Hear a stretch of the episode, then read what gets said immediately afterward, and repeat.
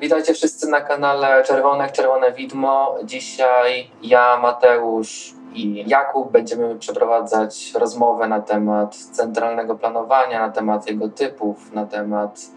mitów wokół niego i możecie się dzisiaj dowiedzieć ciekawych rzeczy. Witam wszystkich słuchaczy, jestem Jakub.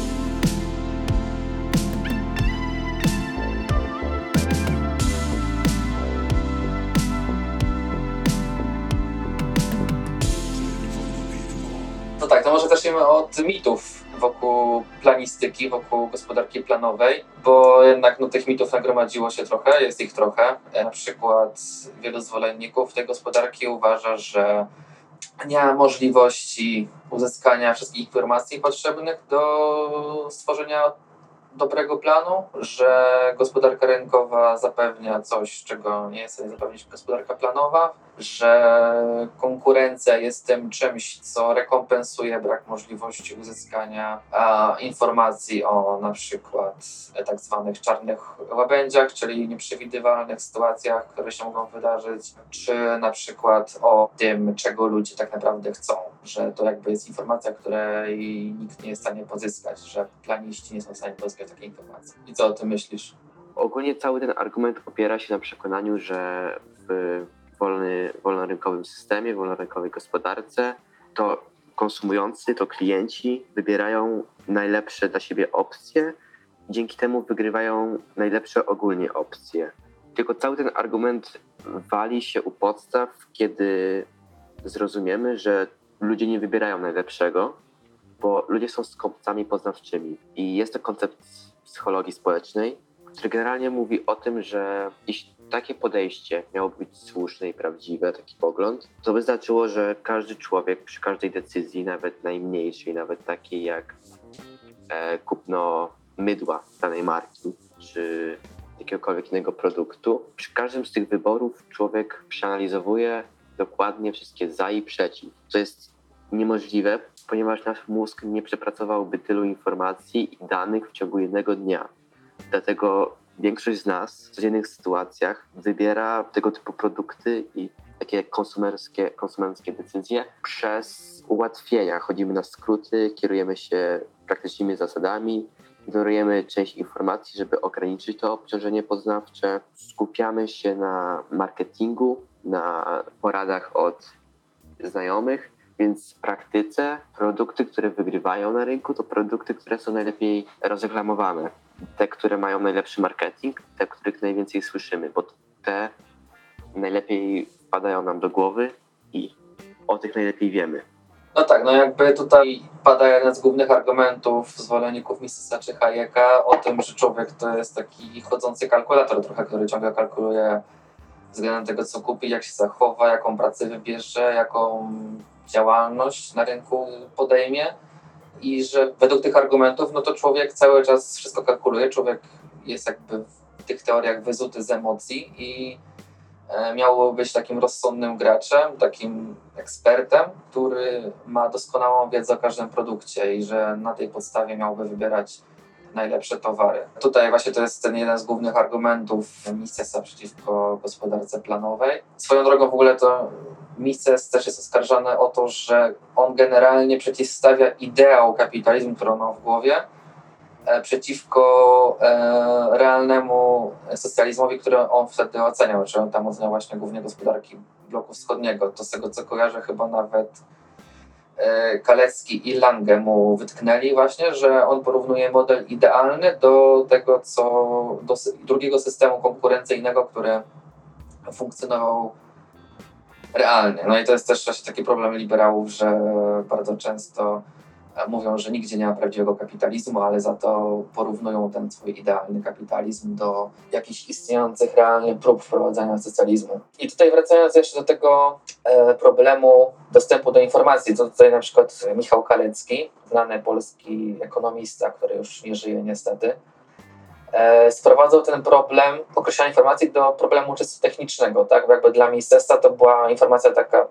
granicząca z boskim poznaniem, że nie da się poznać informacji wszystkich potrzebnych do zrobienia planu. A dla Kaleckiego to był problem czysto tego, żeby mieć dostęp do dostatecznie dużej ilości informacji, żeby na ich podstawie móc y, dojść do e, konkretnych prawideł, na podstawie których można by było wklepać konkretne dane w komputer i na tej podstawie wyskakiwałyby odpowiednie podpowiedzi do tego, jaki, jaki plan jest realny do osiągnięcia i jaki plan jest potrzebny.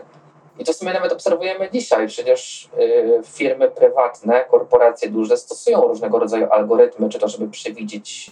y, jaki produkt się lepiej sprzeda, jakie będą trendy za powiedzmy pół roku na, na rynku, czy nawet osobiście z mojego doświadczenia zawodowego pracowałem kiedyś w firmie, która miała algorytm, który wyliczał na miesiąc w przód, jaki konkretnego dnia miesiąca będzie ruch na sklepie, więc takie rzeczy to nie jest utopia, tylko to się dzieje teraz, a rozchodzi się o to, żeby takie rozwiązania analizowały całe gospodarki, a nie tylko środowiska poszczególnych firm. Tutaj też jest druga opcja, już nie planistyczna, ale też, no, nazwijmy to socjalistyczna, którą proponował Lange, Lange się trochę poddał Misesowi. E, Lange uznał, że Mises ma trochę racji z tym, że się informacji nie da pozyskać niektórych. Tylko on z kolei postulował takie rozwiązanie, które się nazywa modelem równowagi ogólnej e, Wallerasa.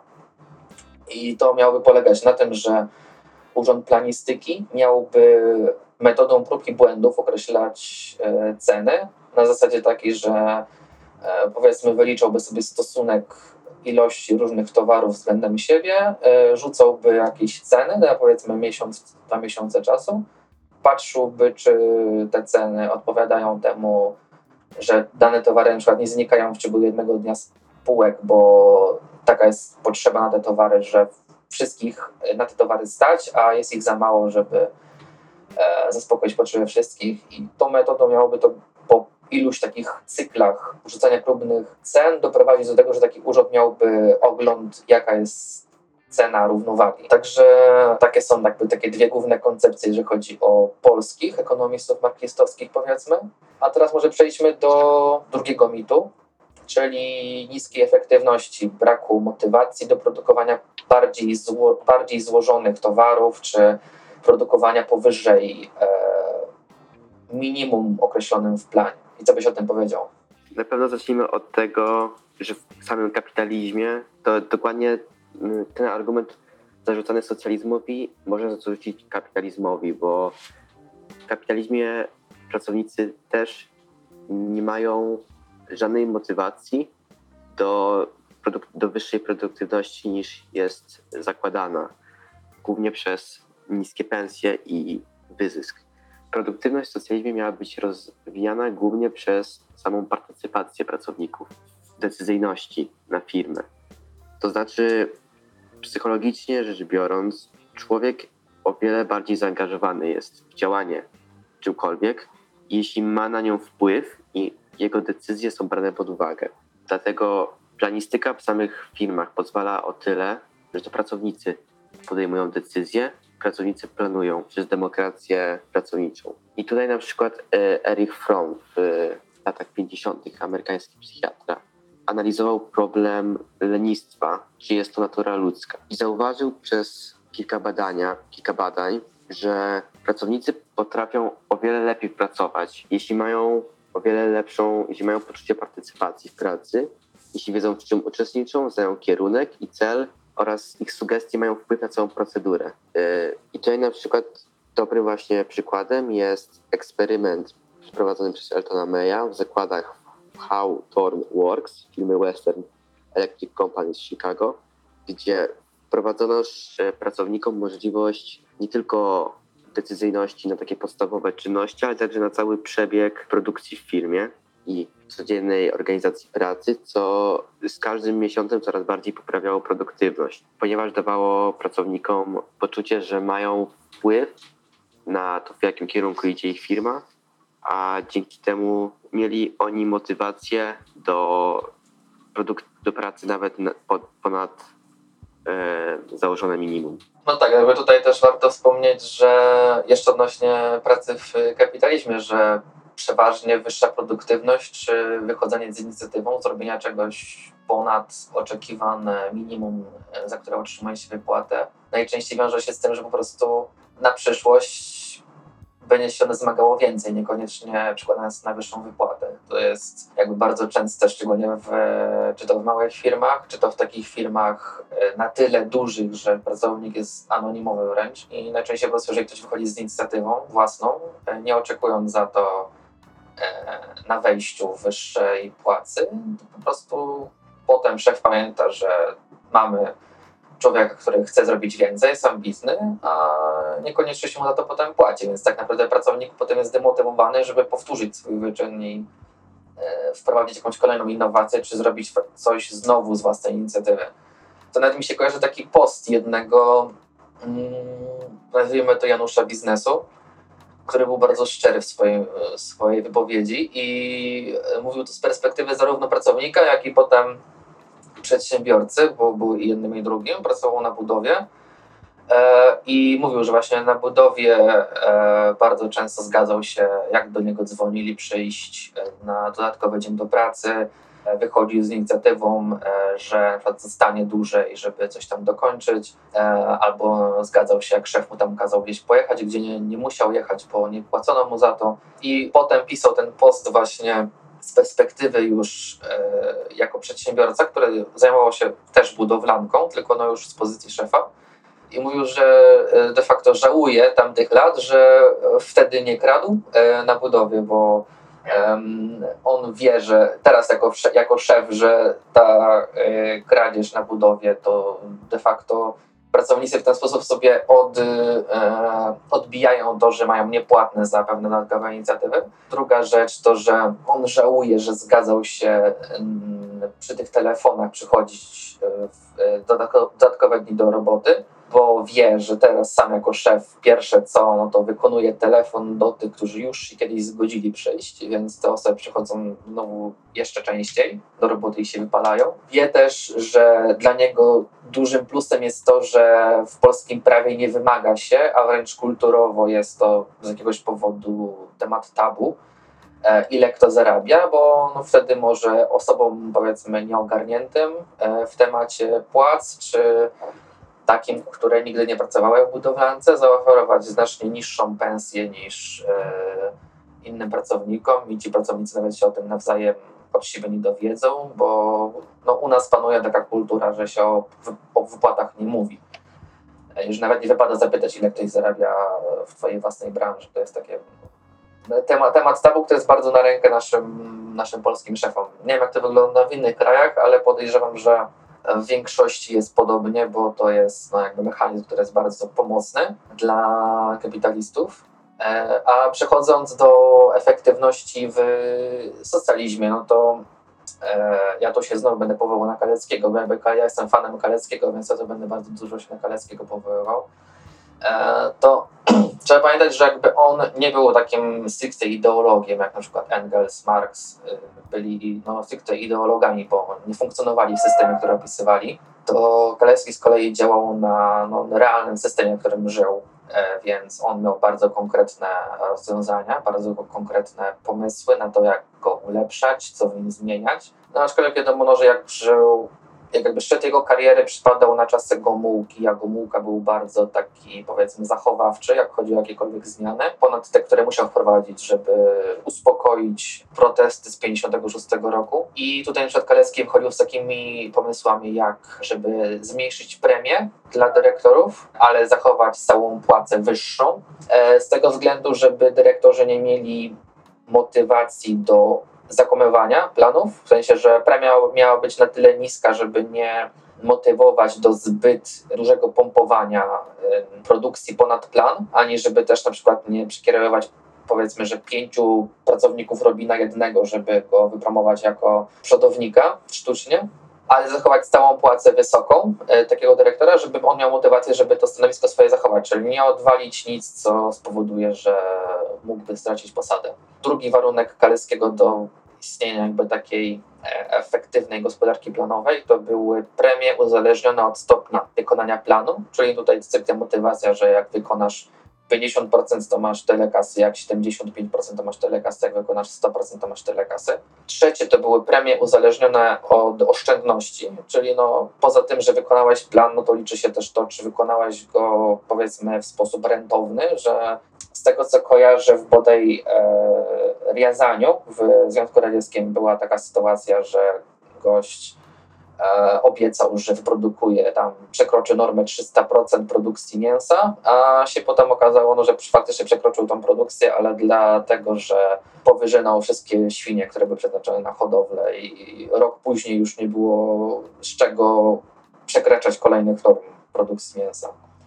więc jakby miało zabezpieczać przed takimi sytuacjami. Kolejnym warunkiem Kaleckiego było to, że normy planu miały rosnąć wolniej niż wydajność pracy. E, tutaj chodziło przede wszystkim o to, że no w gospodarkach planowych e, nie istnieje coś takiego jak rezerwowa armia pracy, no bo wtedy każdy ma robotę, jest pełne zatrudnienie, więc on tutaj to w ten sposób do tego podszedł, że jeżeli mamy pełne zatrudnienie, no to ciężej jest po prostu wkładać coraz więcej pieniędzy w gospodarkę, żeby produkcja zachodziła szybciej i efektywniej, no bo nie mamy dodatkowej siły roboczej, którą możemy zatrudnić e, z armii bezrobotnych. I on tutaj wchodził z założenia, że po prostu produktywność musi rosnąć szybciej niż, niż e, wkład państwa w inwestycje, żeby nie dochodziło do sytuacji, gdzie postawimy jakąś fabrykę, w której nie ma kto produkować. I on przewidywał w ten sposób, co się sprawdziło w PRL-u, że im więcej będzie się pompować pieniędzy w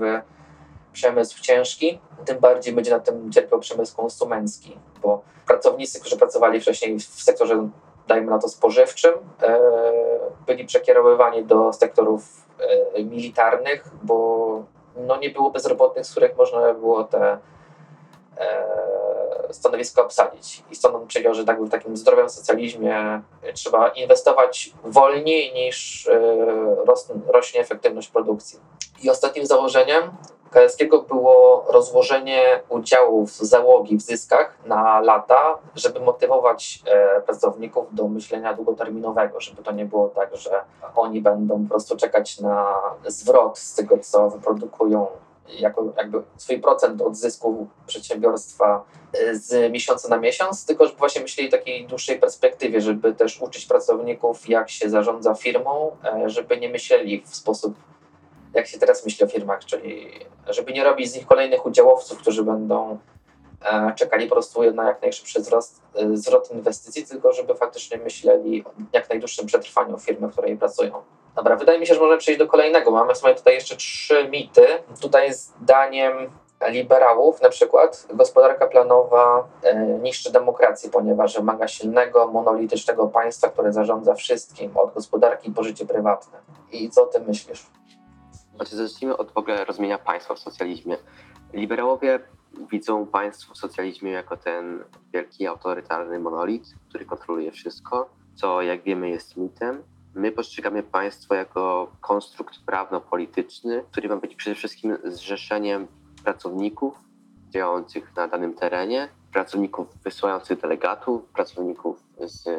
rad pracowniczych, takim kontekście plannictwo gospodarcze jest jedynie przedłużeniem plannictwa samych e, zakładów na poziom krajowy, bo jeśli mamy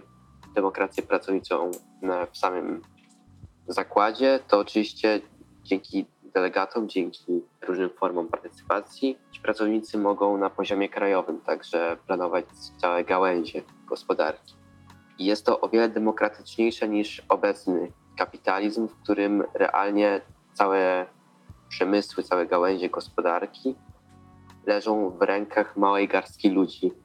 co szczególnie widać w rozwijającym się kapitalizmie obecnie, który od lat 70., już od tej neoliberalnej rewolucji, coraz bardziej pędzi ku monopolizacji i coraz bardziej wpływ na całe gałęzie mają pojedyncze wielkie firmy, które realnie kontrolują wręcz autorytarnie całą gospodarkę. No już nawet tak się odnosząc stricte do nawet nie tyle całości gospodarki, co nawet do pojedynczych zakładów pracy, no to w sumie kapitalizm to jest totalitaryzm w sferze ekonomicznej, w sferze zakładów pracy, no bo tak naprawdę twój szef decyduje, co robisz przez czas, w którym jesteś w robocie. Nie możesz robić tego, co chcesz, musisz robić konkretnie to, za co zostałeś zatrudniony. Nie masz prawa decydować o tym, co robisz. i jakby szef może równie dobrze ci zlecić coś nowego. To tak naprawdę jest, można go nazwać swego rodzaju małym królem, królem przedsiębiorstwa. Nikt, nikt nie wybiera swojego szefa, nikt nie może powiedzieć, że on będzie robił to, to, to i to, ale czegoś innego już nie, no bo wtedy szef po prostu powie, no to, to dziękuję ci, znajdę kogoś, kto, kto to zrobi wszystko, czego ja, czego ja oczekuję. I no, mamy poniekąd dyktaturę w sferze ekonomicznej, bo rządzą ci, którzy mają pieniądze, ci, którzy nie mają pieniędzy, nie rządzą. I to się przekłada już nawet nie tylko na zakłady pracy, ale nawet na e, demokrację jako taką. E, tak bardzo powiedzmy poprawnie politycznie nazywaną demokracją liberalną, która de facto opiera się na tym, że możemy wybrać sobie, który bogaty człowiek nami rządzi, bo nikogo innego nie stać na przeprowadzenie na tyle dużej kampanii wyborczej, żeby e, mierzyć się z kimś, kto ma e, milionowe zyski i jest w stanie sobie opłacić e, billboardy w całym kraju, spoty wyborcze lecące w największych telewizjach w kraju, czy opłacić sobie sale konferencyjne w każdym województwie i jeździć po kraju tak naprawdę no, nie pracując, tak, no bo ci ludzie w czasie kampanii wyborczej no, jakby poświęcają cały swój czas na promowaniu się. No, a nikogo na to nie stać, jeżeli ktoś na przykład żyje z miesiąca na miesiąc, czekając od e, wypłaty do wypłaty, no to ktoś taki, kto by startował, powiedzmy, osób biedna, startowałaby w wyborach na prezydenta, no to zbankrutowałaby, no, zmarłaby z głodu w oczekiwaniu na koniec wyborów, jeżeli miałaby się tak promować. Już pomijając to, że no, liberałowie mają bardzo dziwne, dziwną koncepcję ludzkiej wolności, no bo jednak ludzka wolność w liberalizmie opiera się na tym, że ty robisz co chcesz i nikt w to nie przeszkadza. Tylko pytanie, czy w kapitalizmie może mówić o wolności, kiedy tak naprawdę nad każdą ludzką decyzją y, czuła widmo tego, czy twoja decyzja będzie ekonomiczna, czy twoja decyzja przyniesie ci y, pieniądze, za które się utrzymasz. I nawet jeżeli podejmiesz, powiedzmy, rozsądne ekonomicznie decyzje, no to pytanie, czy nie wydarzy ci się jakaś choroba, za, której, za której leczenie będziesz musiał zapłacić prywatnie, bo wszystkie publiczne placówki ochrony zdrowia w Twojej okolicy zostały sprywatyzowane albo zamknięte. Bo takie wolności jakby chodzi liberałom, tak, że oni powiedzą Ci, że możesz robić co chcesz, ale no tutaj jest w nawiasie duże ale, bo możesz robić co chcesz pod warunkiem, że cię na to stać. I w się właśnie rozchodzi o to, że człowiek może być wolny dopiero wtedy, kiedy nie musi kierować się w swoich decyzjach tym, czy dana decyzja pomoże mu przetrwać kolejny miesiąc, tylko po prostu faktycznie tym, co, co chce robić. Bo jeżeli ma zapewnione e, jedzenie i zapewnione, zapewnioną pracę, zapewnione mieszkanie, no to tak naprawdę jego decyzjami nie kieruje nic poza własną ambicją. Ostatni mit to utajone bezrobocie. Tutaj zwolennicy kapitalizmu uważają, że pełne zatrudnienie to utopia, a wszelkie próby dojścia do tego stanu będą prowadzić wyłącznie do utajonego bezrobocia właśnie, czyli na przykład zatrudnianie na dane stanowisko więcej osób niż to konieczne, albo tworzenie niepotrzebnych nikomu stanowisk, tylko po to, żeby ludzie gdzieś pracowali. Cały ten koncept tego utajonego bezrobocia bierze się jeszcze z tego postrzegania pracy w PRL-u, czyli, to, czyli tego całego hasła, czy się stoi, czy się leży, czy się coś należy. Mit ten opiera się w głównej mierze na tym, że według liberałów zatrudniani są wszyscy. Większość z nich może się lenić i przez dużą część pracy, bo jest za mało pracy na tyle rąk do pracy. Przy czym jest to oczywisty mit. Jeśli mamy więcej pracowników gotowych do pracy, to realnie oznacza to, że możemy produkować tyle samo dóbr, wydając pracownikom mniejsze ilości godzin, w jakich muszą pracować. I tak w kapitalizmie obecnie jest to 8 godzin lub w przypadku często nadgodzin czy pracy na czarno więcej nawet. Natomiast 8-godzinny dzień pracy jest bardzo problematyczny, bo według badań człowiek w trakcie pracy jest realnie produktywny jedynie przez około 3 godziny. I dalej po prostu, jeśli mamy ten 8-godzinny dzień pracy, to ogromną część tego dnia człowiek będzie na tyle zmęczony i przepracowany, że nie będzie mógł działać w pełni produktywnie i być w pełni aktywny. Nie będzie też zaangażowany, będzie przestresowany, przezmęczony. No ogólnie nie będzie funkcjonował dobrze. Natomiast jeśli zatrudnimy na to miejsce pracy dwie osoby i rozdzielimy im te 8 godzin po 4, to nie dość, że ci pracownicy będą wytwarzali tyle samo dóbr, to będą pracowali lepiej, będą pracowali nawet, będą produkowali nawet więcej, bo dzięki większemu czasu odpoczynku i mniejszemu czasu pracy zwyczajnie będą aktywniejsi, będą bardziej zaangażowani przez redukcję stresu, co przełoży się na sukcesy dla całego zakładu.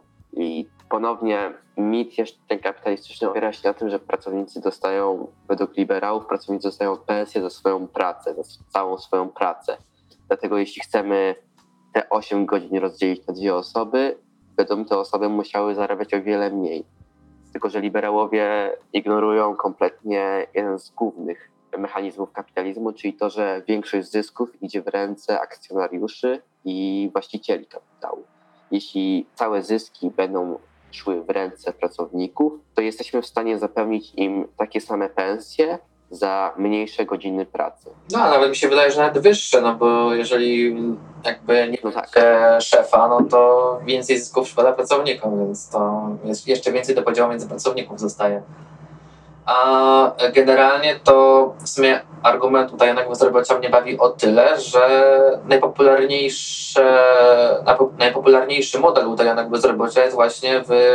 korporacjach, gdzie mamy te tak zwane e, bullshit jobs, gdzie są stanowiska w zasadzie zrobione tylko po to, by budować prestiż pracowników, by e, jakby dawać im taką wisienko, wisienkę na torcie, że jeżeli będziesz dostatecznie dużo się przykładał, dostatecznie dużo będziesz podlizywał się szefowi, to dostaniesz robotę, która de facto jest po nic, ale dzięki temu masz prestiż, że jesteś jakimś tam menadżerem, który tak naprawdę robi jakieś bezsensowne rzeczy, tam typu projektuje jakieś e, tabelki albo analizuje, analizuje produktywność innych pracowników, a jedyne co to ma na celu to tak naprawdę tylko pokazywanie swojego statusu, że on e, jakby jest ponad, ponad pracę innych, a tak naprawdę nie robi. A w innych formach ma to też takie powiedzmy połowiczne znamiona e, tych e, bullshit jobs, czyli na przykład czyjaś praca mogłaby zostać wykonana w czasie 4 godzin. Powiedzmy jesteś, nie wiem, informatykiem i projektujesz jakiś program albo testujesz jakiś program cudzy, e, zrobiłeś to już, ale po, przez pozostałe 4 godziny musisz udawać, że nadal to robisz, bo masz płacone za 8 godzin, a nie za 4, w które to zrobiłeś. Tak naprawdę człowiek wraca zmęczony z roboty, nawet już nie fizycznie, ale psychicznie, z samego faktu tego, że był w robocie dłużej niż musiał, a w imię tego tak zwanego kultu zapierdzielania, jakby samą ideą jest to, że jeżeli wrócisz z pracy niezmęczony, to tak jakbyś nie pracował. W sensie, że to jest jakby taka idea, że z pracy można wrócić tylko zmęczonym albo wcale, że jak praca z definicji musi być taka, żebyś po jej powrocie już nic nie chciał robić, tylko usiąść i odpoczywać. No tak naprawdę praca, no to taka, która przynosiłaby radość, no, powinna raczej prowadzić do tego, że człowiek czuje się po niej e, rozwinięty, że faktycznie czuje, że coś zrobił, coś, co się przydaje społeczeństwu. Jakby wtedy taka praca motywuje i już nawet wtedy człowiek, nawet jeżeli dobrze zarabia, e, to już nie przejmuje się tym tak bardzo, żeby zarobić jeszcze więcej, żeby utrzymać tą posadę, tylko przejmuje się tym, żeby ta robota jego faktycznie miała znaczenie. Przecież ludzie robią nawet rzeczy nieraz i darmowo, tylko po to, żeby poczuć, że są potrzebni innym. Bez tego nie byłoby wolontariatu. No no, wolont- wolontariusze to jest jakby idealny przykład tego, że człowiek nie myśli jak kalkulator. Dobra, no to mi się wydaje, że możemy przejść do samej gospodarki planowej, no bo tutaj gadamy o mitach wokół niej, czym ona nie jest. I teraz pytanie, no, czym ona jest? Gospodarek planowych mamy wiele, tak samo jak mamy wiele kapitalizmów różnych. No powiedzmy, nie wiem, kapitalizm amerykański będzie się różnił od kapitalizmu niemieckiego, od kapitalizmu polskiego, czy od kapitalizmu Arabii Saudyjskiej, powiedzmy. Tak samo tutaj w gospodarce planowej socjalistycznej mamy koncepcji wiele, od planistyki nakazowej, znaną z bloku wschodniego, czyli tego, gdzie no, państwo jest faktycznie tym monolitem, przed którym ostrzegają liberałowie. E, Mamy gospodarkę na przykład planową indykatywną, gdzie to jest taki powiedzmy złoty środek między całkowitym scentralizowaniem gospodarki, a całkowitą decentralizacją. No i trzecią planistykę mamy taką główną, to właśnie tą zdecentralizowaną, czyli taką całkowicie powiedzmy demokratyczną, gdzie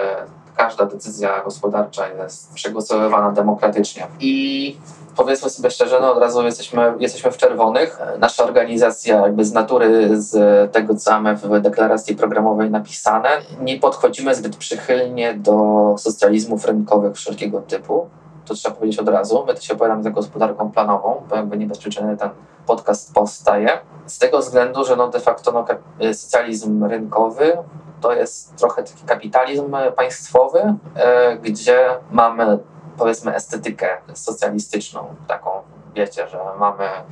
de facto wszystko e, w formie gospodarki rynkowej, ale nad tą gospodarką rynkową czuła państwo, czyli trochę takie Chiny, powiedzmy.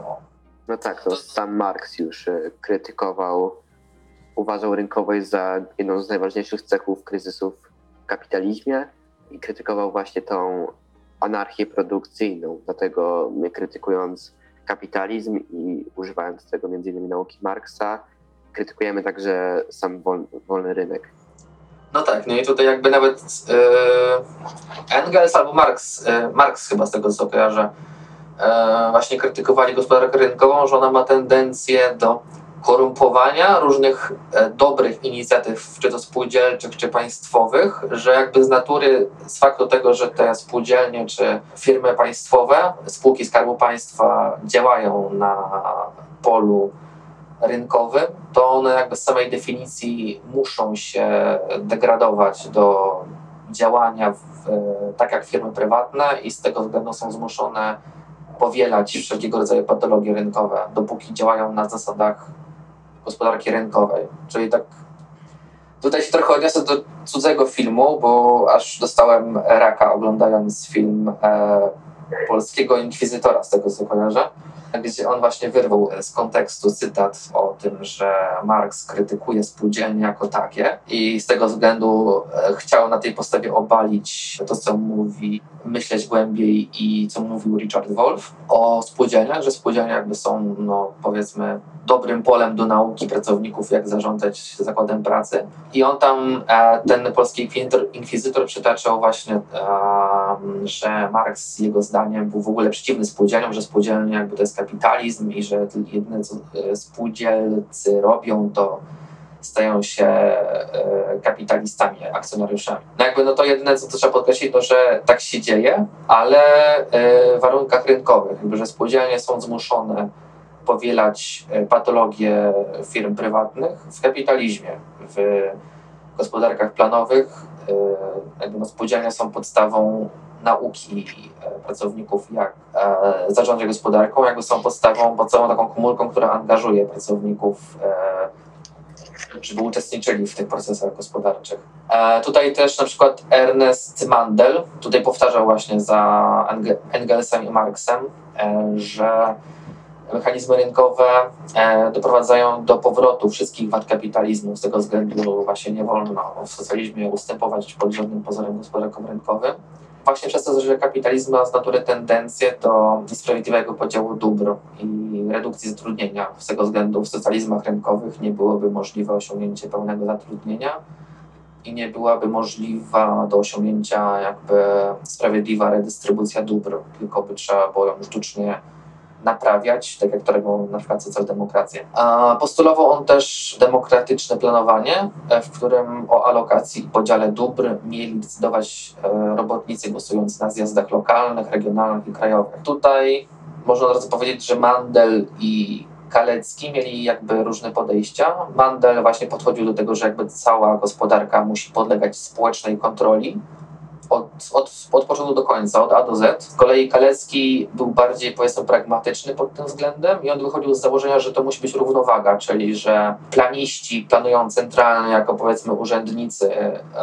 plan na podstawie tego, co zgłoszą im rady pracownicze czy organizacje konsumenckie jako swoje potrzeby jakby planiści mieli na podstawie tych zgłoszonych potrzeb y, i propozycji tworzyć realne, nadane czasy do zrealizowania planu. To ma być dla niego taki złoty środek, żeby jednocześnie nie doprowadzać do paraliżu decyzji, gdybyśmy nagle mieli z dnia na dzień nauczyć się podejmować 200 głosowań dziennie na temat tego, ile produkujemy chleba, ile produkujemy y, rur PCV, ile produkujemy tego, tamtego a równowagą między też tym, żeby państwo nie stało się takim właśnie monolitem skorumpowanym, które decyduje o wszystkim bez udziału obywateli.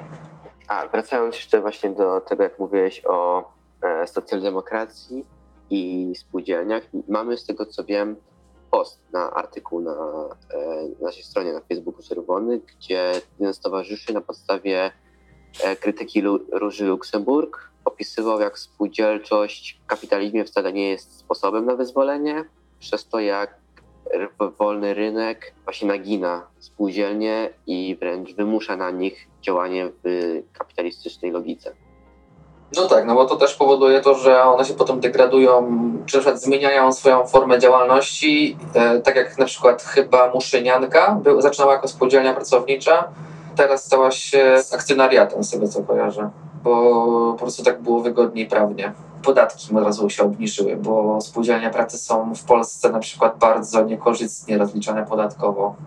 względem tego, gdyby działały jako inna firma jakby jeszcze jest też koncepcja na przykład Paula Kokszota, e, która jakby skupia się stricte nawet nie na mechanizmach, czy planistyka powinna być bardziej scentralizowana, decentralizowana, czy coś pośrodku. On się skupia stricte na krytyce planistyki nakazowej bloku wschodniego pod względem tego, że jego zdaniem jakby zaplecze technologiczne do osiągnięcia efektywnej gospodarki planowej nie zostało osiągnięte. To znaczy, że komputery były zbyt słabo rozwinięte, by móc dokonywać dostatecznie dużej ilości obliczeń e, dla gospodarek postindustrialnych. W skrócie mówiąc, gospodarka postindustrialna to jest taka, gdzie produkuje się powiedzmy już wystarczająco dużo wszystkiego, żeby zaspokoić e, podstawowe potrzeby życiowe i jakby priorytetem w produkcji przestaje być to, żeby produkować jak najwięcej, e, jak najtańszych rzeczy, żeby, żeby każdemu starczyło, tylko priorytetem zostaje się to, żeby produkować już na przykład różne rodzaje tych, tych samych rzeczy, różne rodzaje masła, różne rodzaje czekolad, różne rodzaje spodni i tak dalej. Jakby w jego koncepcji e, po prostu na socjalizm było w XX wieku za wcześnie, e, bo e, socjalizm wymagał po prostu E, sztucznej inteligencji, e, superkomputerów, które no w tej chwili się rozwijają, w tej chwili już byłoby to możliwe. I na tej zasadzie opracował swoją y, koncepcję, która miałaby polegać na tworzeniu systemów planowania y, opartych na tabelach przepływów międzygałęziowych. On wychodził z zasady, że jeżeli y, przeanalizujemy dostatecznie dużo różnych gałęzi przemysłu, będziemy w stanie wyliczać, ile za rok będzie potrzeba danego towaru. I na podstawie tam danych z sprzedaży, danych z produkcji będziemy w stanie opracować, ile będzie potrzeba czegoś w kolejnym miesiącu. Z kolejnych rzeczy, tutaj mamy na przykład szybkość rozwoju i kwestie, czy PKB to miarodajny wskaźnik. E, pytanie, czy w ogóle e, jak się powinno mierzyć wzrost gospodarczy i czy nas to interesuje. Więc tak, jeżeli chodzi o wzrost gospodarczy i PKB, to w mojej opinii tutaj jakby najbliżej jest mi do idei tak zwanego postwzrostu, czy z angielskiego degrowth, czyli e, koncepcji, że jakby powinniśmy odejść od w ogóle idei e, rozliczania gospodarki z tego, jak dużo produkuje, jak, dużo wartość, jak bardzo wartościowe rzeczy produkuje. E, po, pierwsze dlatego, że jakby to jest jeden z czynników, który doprowadza nas obecnie do kryzysu klimatycznego, ponieważ no, najbardziej zyskowne gospodarki są takie, które niszczą środowisko, no bo E, powiedzmy wydobywają surowce, e, mają gdzieś regulację w sprawach klimatu, stawiają syfiaste fabryki, gdzie, gdzie popadnie e, i wykorzystują do maksimum możliwości wyzyskiwania środowiska naturalnego. Jakby takie gospodarki są w tej chwili no, najprężniej się rozwijające, gdzie to już wystarczy, że powiemy, że za 70% emisji gazów cieplarnianych odpowiada 100 korporacji więc tak naprawdę, gdybyśmy wszyscy, wszyscy ludzie przeszli na ekologiczne źródła energii, przeszli na nie wiem, jeżdżenie rowerem, a nie samochodami, albo na wiem, dietę wegańską, no to byłaby to redukcja emisji o 30%. A mówimy o no, zmianie sposobu życia całej ludzkości. I tak samo wydaje mi się, że tutaj chyba bardzo ciekawą koncepcją jest e, e ta rodząca się E, subkultura solarpunka, e, to bardzo jakby fajnie pokazuje taką alternatywę, jak mogłoby, jak mogłoby wyglądać e,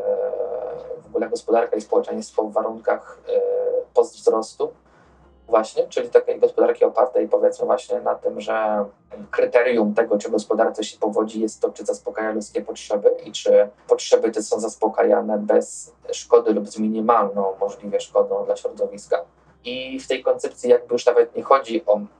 bycie neutralnym dla środowiska, co jakby zespolenie się z nim poniekąd, czyli taki e, powiedzmy dział aktywności człowieka, która jest e, po drodze e, z naturą, jakby działa zgodnie z jej rytmem, jednocześnie nie rezygnując z nowoczesnych technologii i udogodnień ze z nią idących. Jakby druga sprawa jest taka, PKB jest o tyle, o tyle złym wskaźnikiem do miary wzrostu gospodarczego, że równie dobrze możesz nie produkować za wiele, a będziesz miał wysokie PKB, bo na przykład masz bardzo duży sektor finansowy, gdzie zachodzi dużo spekulacji, dużo udziela się pożyczek, albo masz na przykład w kraju legalny hazard i hazard napędza ci PKB. Na przykład w Kubie za czasów e, Batisty, z tego co dobrze pamiętam, PKB bardzo potrzebował w górę, ale z tego względu właśnie, że Kuba stała się w tamtych czasach kasynem dla e, Amerykanów. Jakby ludzie, ludzie klepali biedę, ale no, dyktator się szczycił wysokim PKB, bo e, PKB rosło dzięki kasynom po prostu. Wracając jeszcze do właśnie raz, e, do szybkości rozwoju i tego konceptu post, post tak. Cały ten kapitalistyczny koncept, jakoby przez rozwój gospodarki rozumieć, ile się wytwarza produktów, bierze się jeszcze z bardzo promowanego w kapitalizmie mitu, jakoby szczęście ludziom daje sama konsumpcja. Dlatego spełniając potrzeby ludzi, musimy przede wszystkim produkować i konsumować. Dlatego w kapitalizmie ciągle powstaje coraz to więcej produktów, które rzekomo mają zapełnić nam to szczęście i wypełnić tą pustkę. Natomiast realnie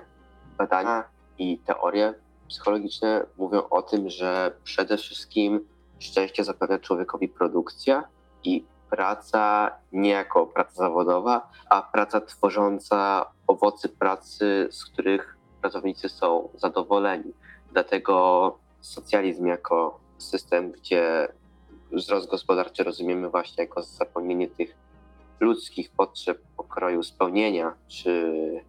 także potrzeb konsumpcyjnych, ale przede wszystkim e, tego spełnienia ludzkiego, między innymi przez pracę, czy to artystyczną, czy to naukową, czy to zawodową. Dlatego socjalizm nie potrzebuje rozumienia wzrostu jako coraz to większej produkcji. No dobra, no i mamy chyba ostatnią kwestię, czyli e, racjonalność planu kontra chaos rynku, czyli na minimalizacja marnowania się produktów i półproduktów, możliwość nieograniczonego gromadzenia informacji o tym, kto ile wyprodukuje dzięki braku tajemnicy handlowej na przykład. Co byś o tym powiedział? No tutaj jeszcze tutaj można wrócić już do samej marksistowskiej krytyki kapitalizmu, yy, która odnosi się jeszcze do pojęcia ekonomicznego przed Marksem, czyli kryzysu nadmiaru. E, kryzys nadmiaru to koncept, którego w kapitalizmie co jakiś czas przez tą właśnie anarchię produkcji występują momenty, gdzie jest nadmiar produktów na zbyt mały rynek, co powoduje załamanie się rynku, załamanie się cen, no i inne skutki negatywne. I takie kryzysy widzimy cały czas, czy to przez właśnie ostatnio mieliśmy w 2008 roku kryzys z bańką, która pękła i kapitalizm patrząc historycznie cały czas nie ma okresu, w którym okresy, w którym kapitalizm nie jest w kryzysie, a w którym są o wiele mniejsze, krótsze niż te, w których są w kryzysie. Więc ta anarchia produkcji cały czas te kryzysy wywołuje. Natomiast gospodarka planowana z, te, z tego, co historycznie próbowała być, próbowała być w różnych koncepcjach wprowadzana, zawsze te kryzysy potrafiła wymijać lub mieć ich o wiele mniej dzięki temu, że jest zwyczajnie planowana i nie ma tej anarchii.